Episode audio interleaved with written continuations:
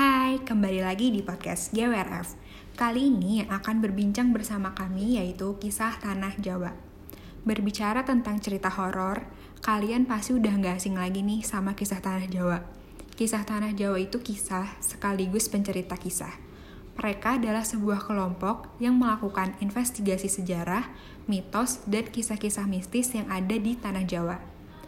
Kisah Tanah Jawa atau yang biasa disingkat KTJ membalut semua hasil investigasinya tidak hanya dari sisi klinik, tapi juga sisi budaya. Perlu diketahui, KTJ kerap melakukan investigasi dengan berkunjung ke tempat-tempat mistis.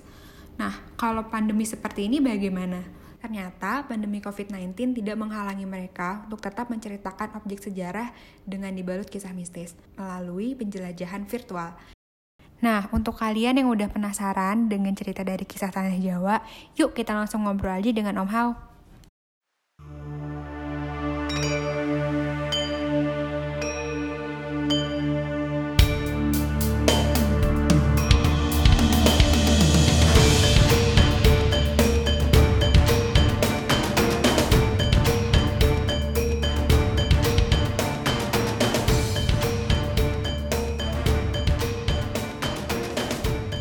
Selamat siang Om Hao. Selamat siang, Mbak. Nah, Om Hao, eh, kan Ya. karena pandemi ini harusnya kan kisah Tanah Jawa hadir nih bersama-sama teman-teman lainnya di GWRF 2020. Ya, Namun tertunda untuk mengobati rasa kangen teman-teman sama kisah Tanah Jawa, makanya kita undang kisah Tanah Jawa di podcast ini untuk ngobrol, eh, diskusi dengan cerita-cerita menarik dari kisah Tanah Jawa. Gitu ya, Om Oh, iya. Nah. Mbak. Ini ya sayang ya kita kemarin bulan April sebenarnya Mbak ya. Mm-mm, harusnya April kemarin kita udah ketemu lagi di Jakarta.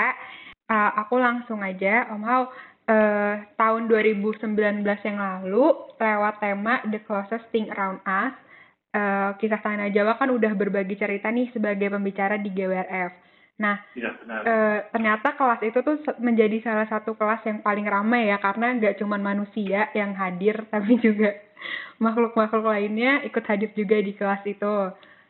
Aku eh, pengen minta Om Hao untuk ceritain ulang dong gimana sih pengalaman saat eh, mengisi acara di GWRF kemarin. Oh iya.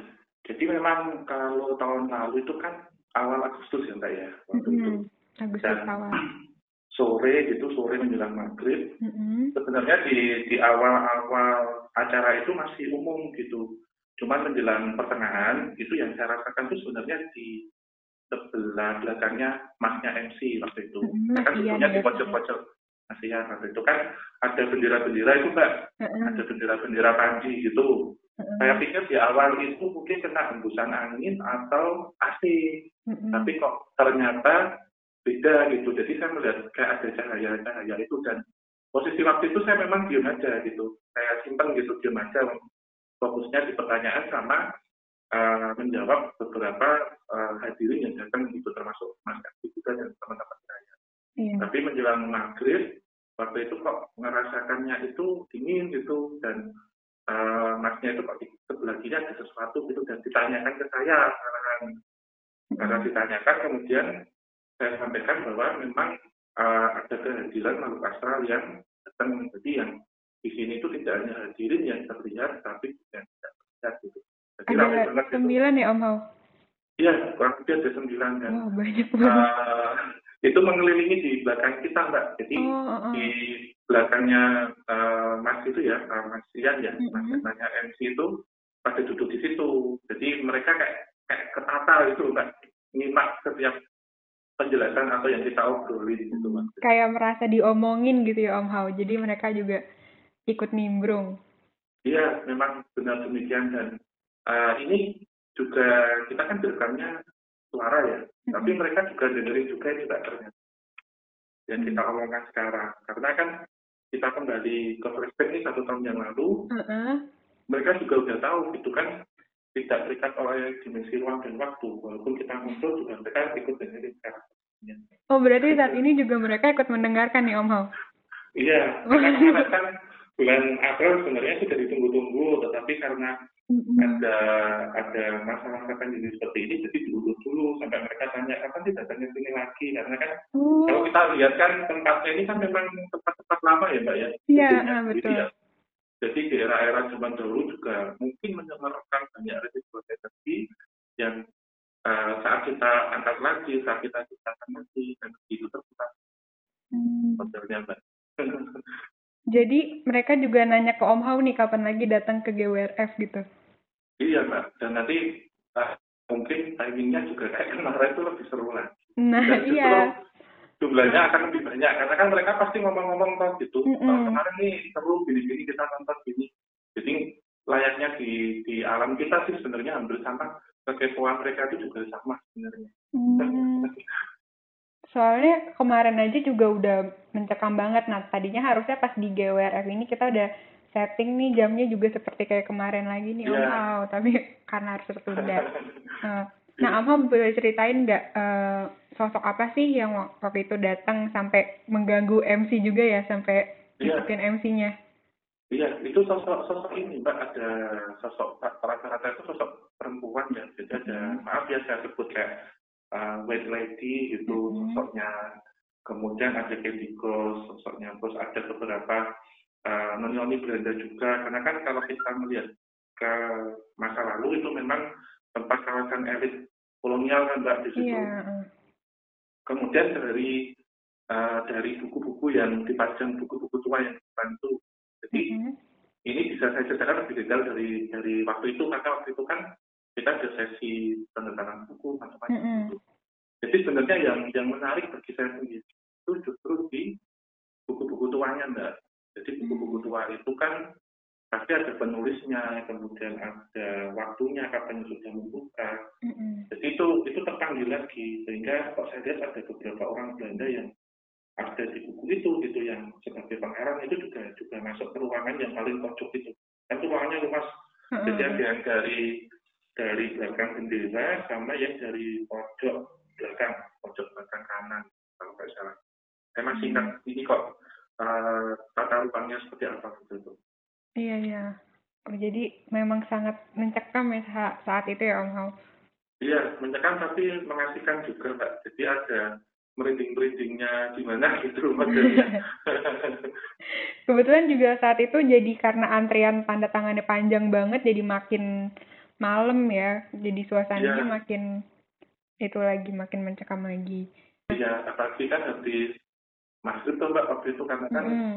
energi terbesar kan maghrib sama dini hari dan itu kalau maghrib tuh baru bangun-bangunnya hmm, baru bangun-bangunnya berarti bangun masih segar-segarnya itu ya iya langsung ikut burung acara gitu mm -hmm.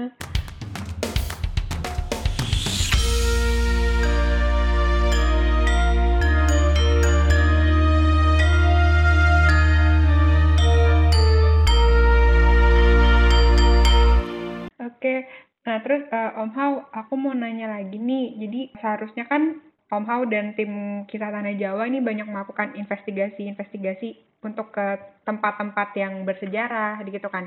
Nah, karena terkait pandemi ini, kalau aku lihat sekarang KTJ melakukan investigasi sejarah dan objek itu melalui medium virtual. Ya. Boleh dijelaskan nggak Om Hao bagaimana sih uh, ya. menjelajah dimensi melalui medium virtual?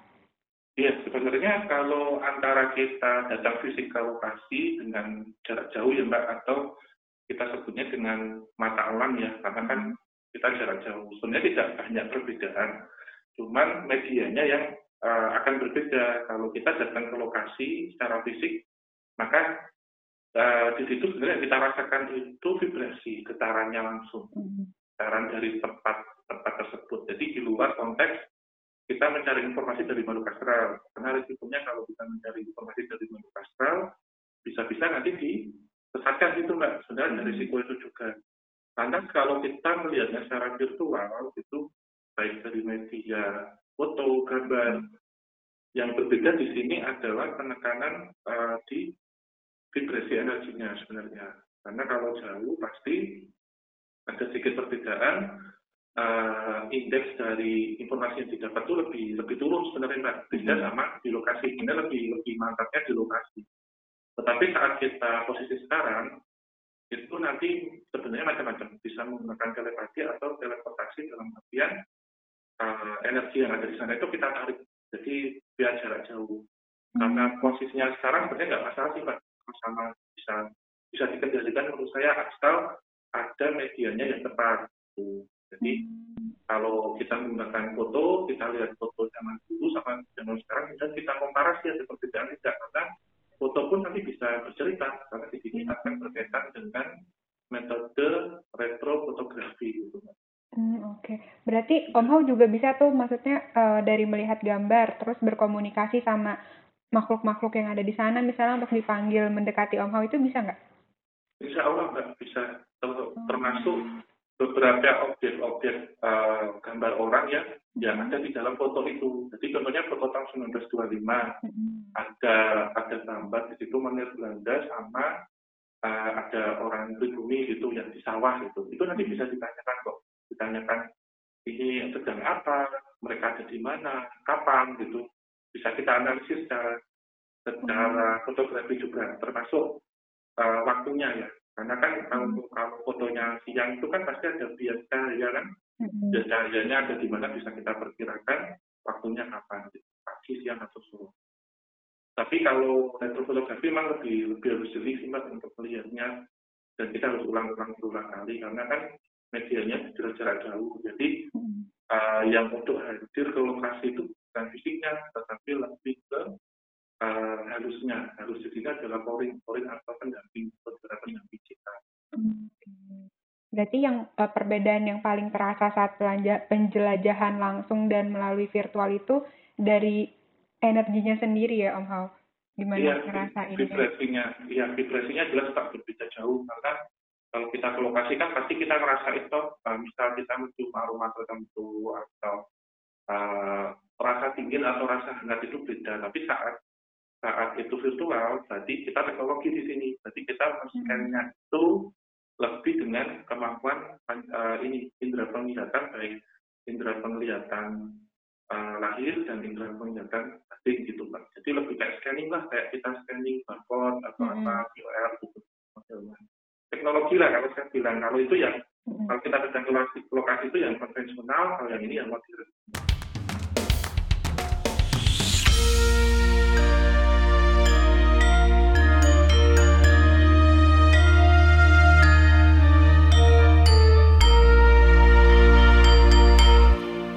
kan Om Hao ini kan sebagai penyambung lidah dua dimensi nih karena mampu berkomunikasi dengan dimensi lain. Pernah nggak sih Om Hao saking menyeramkannya ada kisah yang Om Hao sendiri tuh nggak mau ngasih tahu ke tim kisah tanah Jawa lainnya atau ngasih tahu ke Mas Genta kayak gitu?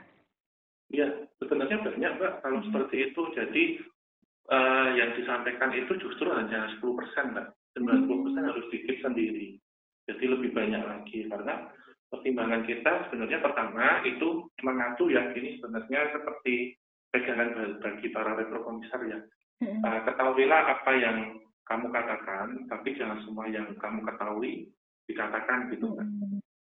Termasuk uh, seperti itu. Jadi saat kita melihat itu, kita harus meyakinkan diri dulu. Ini perlu tidak disampaikan, baik disampaikan secara terbuka atau tertutup untuk untuk tim saja gitu. Jadi kita kita harus bisa menyaring. Karena kalau salah-salah uh, sebenarnya resiko pertama memang kepercayaan ya. Kredibilitas uh, kami itu dipertanyakan dalam artian Wong ini tidak boleh kok tetap disampaikan. Nanti justru beliau-beliau yang memberikan informasi uh, tingkat kepercayaannya turun. Sehingga nanti saat kita mencoba untuk menggali informasi di tempat lain mungkin akan diblokir gitu. Karena orang ini melebihi dari isinya diberikan dan demikian. Jadi uh, disaring juga termasuk beberapa cerita-cerita yang tidak boleh diceritakan itu kan macam-macam ya kalau ceritanya yeah. untuk story gitu kalau kayak gitu konsekuensinya tuh gimana sih Om Hao selain tadi nanti nggak dikasih uh, informasi lagi nih untuk eh, kisah-kisah yang lain ada konsekuensi yang lebih parah dari itu nggak Om Hao? Iya nanti bisa menimbulkan keresahan juga nggak terkadang di karena sebagai penyambung itu kan PR-nya gitu ya. Mm-hmm. Jadi nanti justru bisa ini menginformasikan ke masyarakat itu mm-hmm. bisa jadi keresahan yang yang ditakutkan karena walaupun informasinya benar tapi kita bagaimana sih packagingnya biar bisa diterima orang. hmm. diskusi. Uh, memang ada satu tanggung jawab juga itu yang nanti akan dipertanggungjawabkan dapat kepada yang memberikan amanah yaitu Tuhan yang Maha Kuasa. Hmm. Jadi memang kita harus lurus nih Pak, walaupun kadang kita dapat informasi itu kok bedanya sama literatur gitu, yang benar yang mana. Terkadang kita informasi ini kita cek dulu setelah kita menemukan komparasi dari literatur yang sesuai sebagai pegangan, baru bisa kita sampaikan. Jadi ada yang dibanding juga macam-macam sih Pak, saya. Termasuk kita juga menjaga uh, psikis dari teman-teman, misal selama saya tidak ditanya, sebenarnya saya tidak akan menjawab. Jadi seperti hmm. waktu di acara yang tahun lalu itu kalau pun tidak ditanya juga saya keep sebenarnya. Karena hmm. nanti kan menimbulkan sedikit ya, sedikit negatif sama keresahan juga sebetulnya gitu. gitu.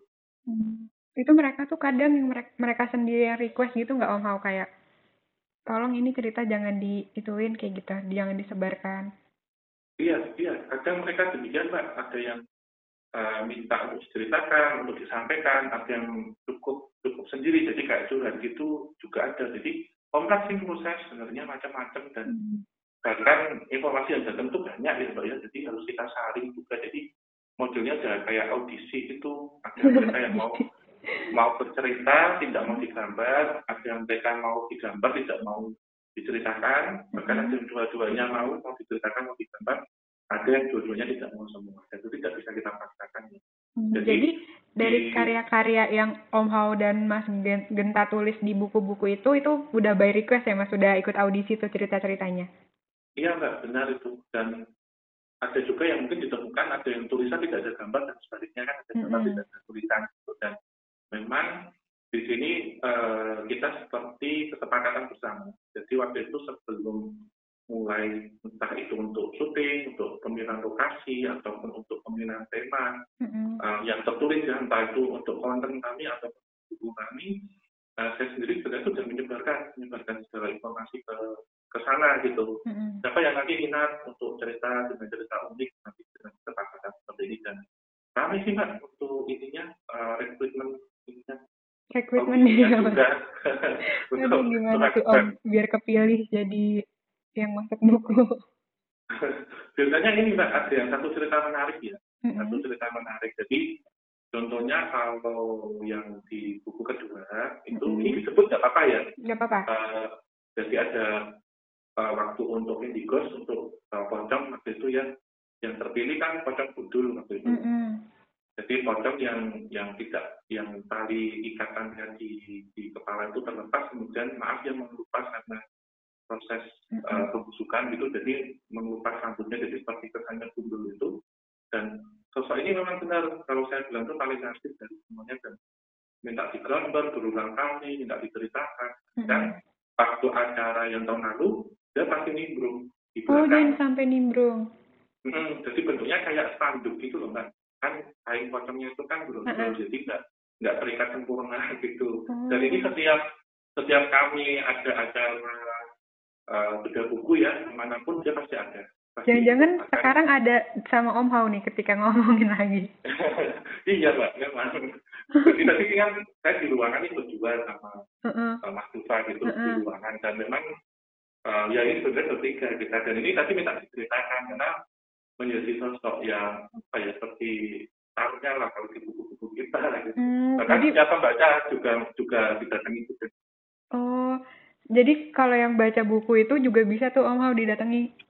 Iya, karena mindsetnya, mindsetnya nanti kebaca gitu dalam artian hmm. kalau kita membaca uh, kemudian dalam posisi sendiri pasti dalam memori otak ini kan membayangkan atau terekamnya kan sosok yang dimaksud. Iya betul. Dan sebenarnya tidak semua sosok yang dimaksud itu datang, tapi ada beberapa makhluk astral di lingkungannya mm-hmm. itu kan menangkap secara frekuensi sehingga mereka bisa datang menyerupakan diri seperti yang dimaksud karena kan sejatinya makhluk astral kan absurd ya tidak mm-hmm. berbentuk jadi bisa menyerupakan bentuk macam-macam sesuai dengan pembacaan dari uh, memori yang ada di otak objek itu, pemikiran di otak objek itu. Jadi mereka bisa memvisualisasikan atau datang gitu tanda kutip.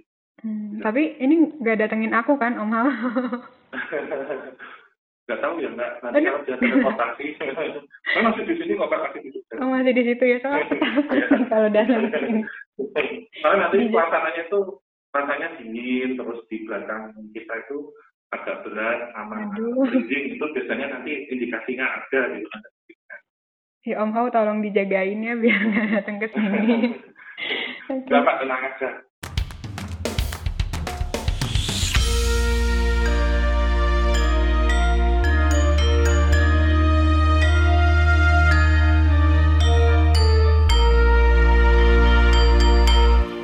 Oke, okay.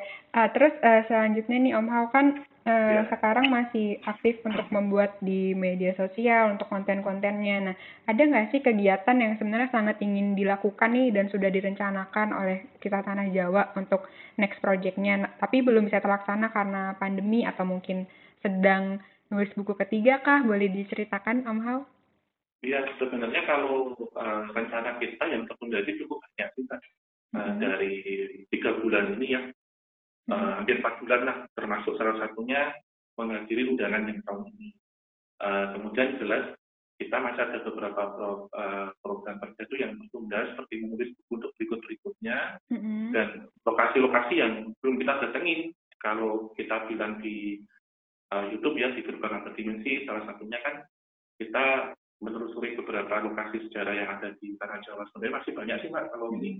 Dan nanti insya Allah uh, ini sudah kita kita angsur itu yang kita tinjau itu mulai bulan ini tapi di kisaran Jogja dulu jadi biar nggak nggak terlalu lama gitu ngobatin tangannya para Japanese dan penonton gitu.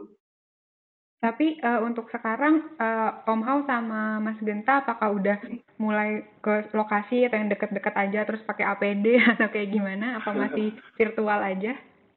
Uh, dua-duanya Mbak. Jadi kita sudah mendatangi lokasi, tapi mm -hmm. yang masih di sekitar Jogja ya, dan sekitarnya Jawa Tengah itu, uh, kita tetap menerapkan protokol uh, kesehatan. Mm-hmm. Jadi sebelum syuting nih kita masih pakai uh, masker, kemudian mm-hmm. juga menjaga untuk berpegangan apa itu termasuk hand sanitizer gitu. Mm-hmm. Tapi nanti saat syuting kita ada lokasinya juga mbak kita pilih-pilih. Jadi yang kira-kira sebenarnya aman gitu. Jadi karena pas syuting kita tetap jaga jarak sama uh, ya untuk untuk suara kan masker kita lepas tapi Iya. kita tetap mengikuti protokolernya untuk untuk hmm. untuk untuk untuk apa syutingnya gitu karena kita akan new normal ya untuk untuk sekarang dan seterusnya nanti tetap akan kita terapkan walaupun COVID-19 sudah sudah boleh dikatakan sudah tidak ada gitu karena hmm. kita memasuki era baru.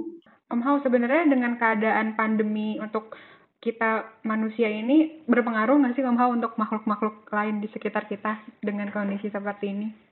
Iya, sebenarnya ada pengaruhnya Mbak. Dalam artian uh, keterbatasan kita dalam uh, gerak ya, mm-hmm. baik keluar rumah ataupun ke daerah-daerah tertentu, itu justru membuat uh, getaran atau vibrasi alam semesta ini semakin kuat.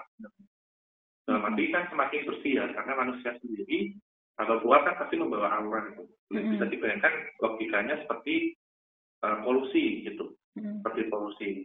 Saat kondisinya itu uh, tenang, stabil, itu justru makhluk astral biasanya ada yang mereka itu sembunyi atau meresap masuk ke tempat-tempat tertentu atau masuk ke tanah gitu.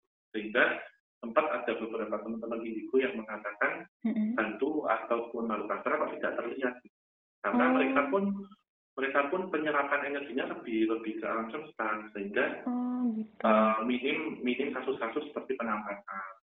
Karena kan hmm. sebenarnya mereka menampakkan diri itu selain eksistensi juga ingin menyerap atau menarik energi manusia mbak sehingga hmm. terkadang ada penampakan ada apa tapi pas kondisi kosong seperti ini memang dunia memang bumi ini perlu istirahat sih menurut saya jadi hmm. ada iya. keseimbangan keseimbangan alam semesta antara uh, makhluk astral makhluk nyata uh, tumbuhan hewan dan macam-macam hmm. semuanya jadi jadi ada satu siklus positif terus ada pengaruhnya memang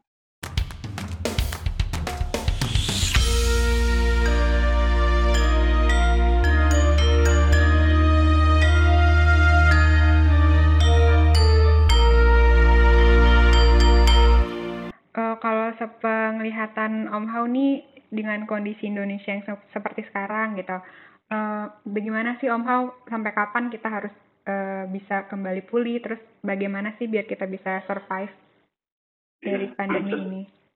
Ya sebenarnya kalau kalau kita melihat ini itu uh, ada beberapa perhitungan ya Mbak ya. Dalam arti kan kita mengikuti pola statistika dan probabilitas dalam matematika.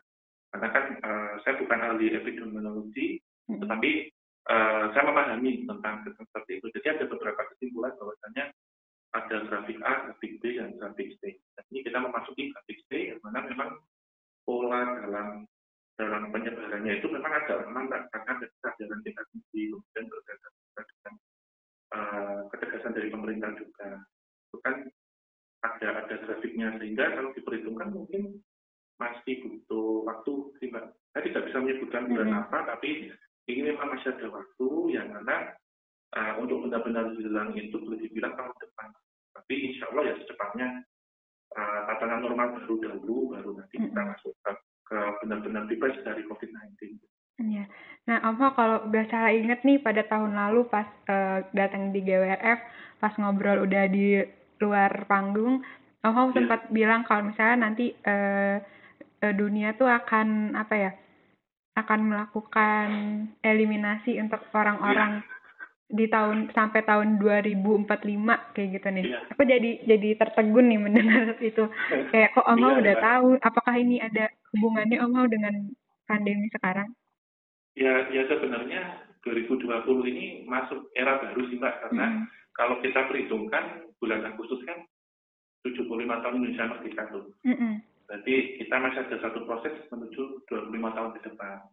Yang mana memang bumi ini dan negara kita kita kita produsen paling kecil ya hmm. Nusantara Indonesia ini memang perlu di restart sekarang jadi di restart itu kan maaf ya logikanya hmm. kalau komputer kena virus itu kan pasti nanti diinstal ulang gitu hmm. softwarenya kemudian Windowsnya macam-macam kita install ulang ini pun sama sebenarnya jadi seleksi seleksi di sini seleksi alam sebenarnya melatih kita ambil positifnya ya mbak ya kita melatih uh, orang ini untuk berpikir kritis kemudian berpikir kreatif uh, survive di di segala macam ini ya keadaan gitu. Mm-hmm. Nah orang-orang ini nanti akan terpilih akan membawa Indonesia daya gitu di tahun 2045. Jadi uh, orang-orang yang terpilih ini memang harus dilatih dari sekarang. Jadi kita sebenarnya butuh-butuh orang-orang kreatif sih mbak untuk untuk, untuk posisi sekarang. Kalau kalau orang pinter kan memang banyak ya, mm-hmm. tetapi orang kreatif dan orang jujur ini memang akan akan dibutuhkan. Mm-hmm. Betul sekali Om dengan pandemi ini sebenarnya kita ambil sisi positifnya di mana uh, alam tatanan alam akan akan berubah.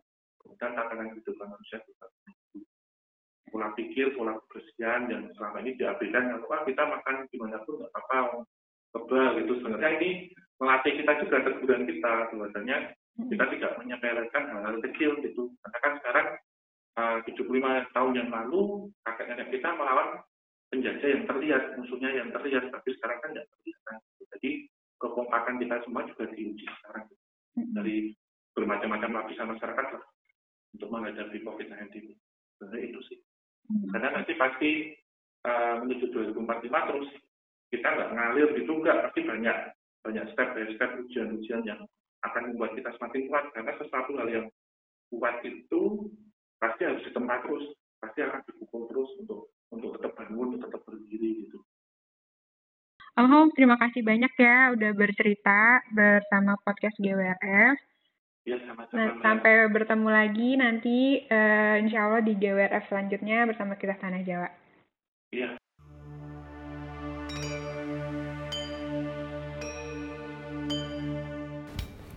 Oke teman-teman, begitulah sesi perbincangan misis kali ini dengan kisah Tanah Jawa. Yang kalian dengarkan di podcast ini baru sedikit dari sekian banyak kisah menarik lainnya yang sudah ditulis oleh Mas Genta dan Om Hao di kedua bukunya. Buat kalian yang masih penasaran dengan kisah-kisah menarik lainnya, kalian bisa langsung membeli buku kisah Tanah Jawa di Gramedia terdekat. Buat kalian yang di rumah aja, kalian bisa menggunakan layanan pesan bayar antar. Jadi, kalian tinggal WhatsApp ke nomor Gramedia. Nomornya bisa kalian dapatkan di Instagram at Gramediabooks atau kalian bisa beli online melalui gramedia.com.